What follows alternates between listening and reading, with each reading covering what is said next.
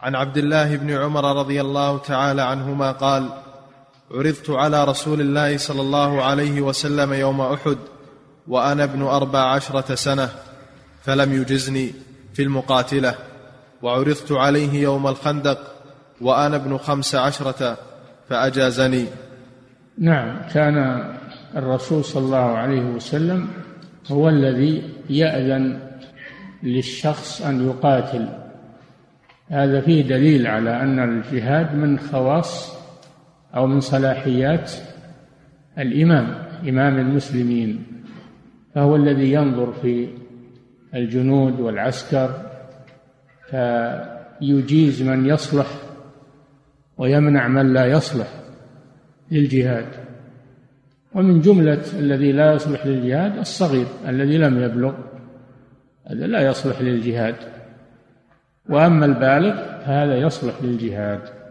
فلذلك ابن عمر عرض على النبي صلى الله عليه وسلم في غزوة في غزوة أحد ليقاتل فمنعه لأنه دون البلوغ لأنه دون البلوغ.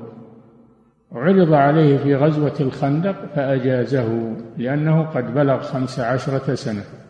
في الأول ابن أربع عشرة سنة وفي الثانية صار ابن خمس عشرة سنة لأن بين أحد وغزوة الخندق سنة واحدة.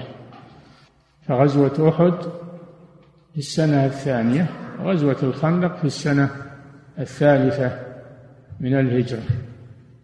بينهما سنة.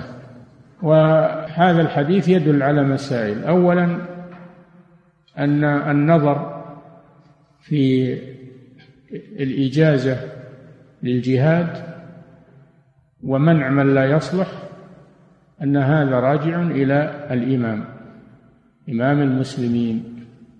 ثانيا فيه أنه لا يؤذن إلا لمن بلغ وأما من دون البلوغ فإنه لا يؤذن له. وهذا هو الذي ساق المصنف الحديث لأجله. المسألة الثالثة وهي أن السن الذي يبلغ عنده الإنسان خمس عشرة سنة. هذا آخر حد. فالبلوغ إما أن يحصل بالاحتلام. إما أن يحصل بالاحتلام. أو يحصل بالإنبات بإنبات العانة حول القبل. وإما ببلوغ خمس عشرة سنة يعني بالسن. وهذا يشترك فيه الذكر والأنثى هذه العلامات. العلامة الرابعة تختص بها المرأة وهي الحيض. إذا حاضت فقد بلغت. فعلامة البلوغ عند الذكور ثلاث وعلامة البلوغ عند الإناث أربع. هذه الثلاث والحيض.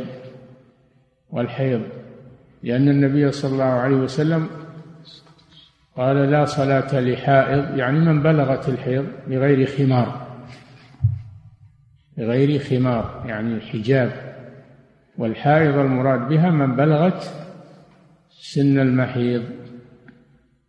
نعم.